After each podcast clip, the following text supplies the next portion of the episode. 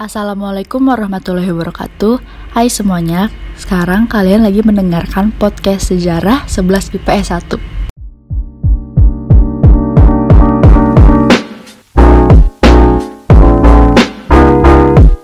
Di episode kali ini kita bersama Amanda, Najwa, Zoan, Fevi, dan Dien.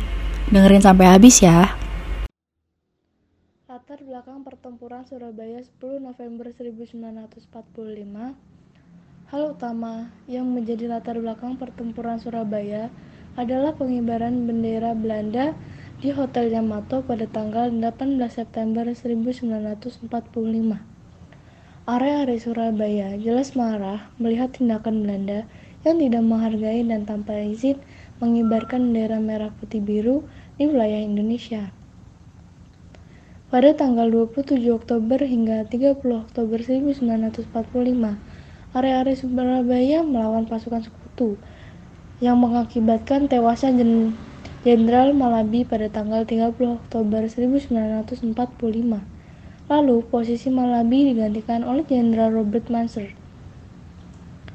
Pada tanggal 9 November 1945, Jenderal Robert Manser mengeluarkan ultimatum kepada area-area Surabaya yang berisi pemimpin Indonesia di Surabaya harus melaporkan diri, seluruh senjata yang dimiliki pihak Indonesia di Surabaya harus diserahkan kepada Inggris. Pemimpin Indonesia di Surabaya harus menandatangani pernyataan menyerah tanpa syarat. Puncak pertempuran Surabaya terjadi pada 10 November 1945, di mana pasukan sekutu menyerang kota Surabaya dan area-area Surabaya langsung menghadapi sekutu. Pada pertempuran tersebut, pejuang Indonesia gugur dalam pertempuran mencapai 20.000 orang, sedangkan pihak sekutu sejumlah 1.500 orang. Pertempuran Surabaya berlangsung selama tiga minggu yang menyebabkan kerugian bagi Indonesia cukup banyak. Saya di sini akan menjabarkan tokoh-tokoh yang terlibat dalam pertempuran Surabaya. 1. Bung Tomo Bung Tomo atau Sutomo berprofesi sebagai jurnalis.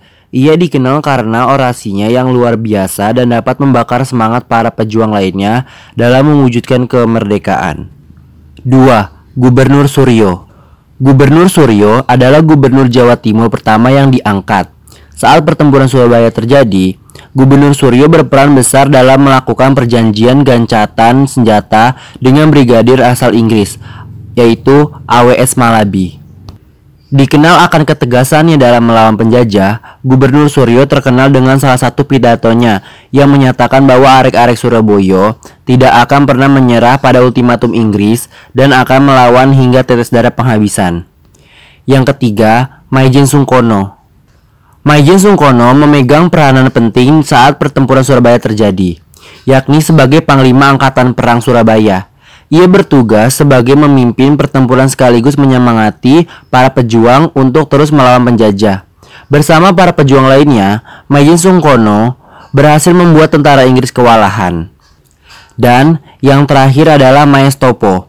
Meski awalnya berfungsi sebagai dokter gigi, Maestopo juga berperan penting saat pertempuran Surabaya. Sempat menjadi komandan batalion Tentara Pembela Tanah Air atau PETA, Maestopo membentuk Badan Keamanan Rakyat Jawa Timur dan menjadi salah satu tokoh yang menentang keras pendaratan Inggris ke Surabaya. Maestopo juga berperan sebagai tokoh yang berunding dengan Brigjen Malabi agar pasukan Inggris tetap berada dalam pelabuhan. Sayangnya, Brigjen Malabi dan pasukannya melanggar perjanjian tersebut. Untuk faktor penyebab pertempuran Surabaya, eh, konflik antara tentara Indonesia dan pasukan sekutu yang datang di Surabaya berdampak kepada penyerangan hingga menewaskan Jenderal Albertine Walter Shorter Melby dari pasukan sekutu. Hal ini kemudian disebut menjadi faktor utama pertempuran pada 10 November. Peristiwa ini dipicu saat rakyat Surabaya uh, menginginkan gedung internasional bebas dari militer Inggris yang berujung pada percekcokan dan pertempuran antara kedua pihak. Adapun dampak yang ditimbulkan dari pertempuran Surabaya. Yang pertama dampak negatif. Indonesia kehilangan setidaknya 6.000 sampai 16.000 pejuang yang tewas dan 200.000 rakyat sipil yang mengungsi dari Surabaya. Kurang lebih 160 ribu jiwa gugur saat pertempuran 10 November 1945. Paling banyak korban adalah di Jalan Raya Pahlawan yang saat ini dibangun Tugu Pahlawan. Tapi selain itu ada juga dampak positif, yaitu sebagai pembentukan jiwa nasionalisme bangsa Indonesia untuk menentang kembali dominasi Nica di Indonesia. Sehingga Pertempuran Surabaya merupakan barometer dan motivasi bagi daerah-daerah lain yang ada di wilayah teritorial Indonesia untuk melakukan hal yang sama.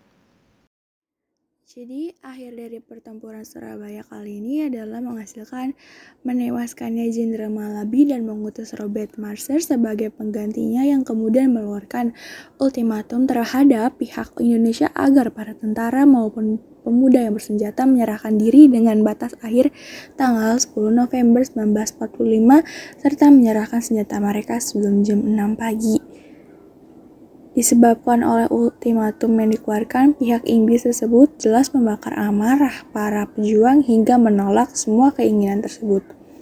Hari bersejarah tersebut benar-benar datang di mana pada tanggal 10 November pasukan Inggris secara membabi buta melakukan serangan terhadap pasukan Indonesia dan rakyat di Surabaya dan menghasilkan Ribuan rakyat Indonesia tewas dalam pertempuran tersebut, begitu pula dengan pihak Inggris.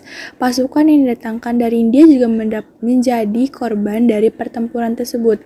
Tercatat lebih dari 10.000 rakyat Indonesia dan juga pasukan Inggris tewas dalam pertempuran Surabaya. Setidaknya 6.000 pejuang dari pihak Indonesia tewas dan 200.000 rakyat sipil mengungsi dari Surabaya. Korban dari pasukan Inggris dari India kira-kira sejumlah 600 orang. Pertempuran berdarah di Surabaya yang memakan ribuan korban jiwa tersebut telah menggerakkan perlawanan rakyat di seluruh Indonesia untuk mengusir penjajah dan mempertahankan kemerdekaan. Banyaknya pejuang yang gugur dan rakyat sipil yang menjadi korban pada hari 10 November ini kemudian dikenang sebagai Hari Pahlawan oleh Republik Indonesia hingga hingga sekarang. Sekian podcast dari kami. Semoga bermanfaat ya dan sampai ketemu di podcast selanjutnya. Bye.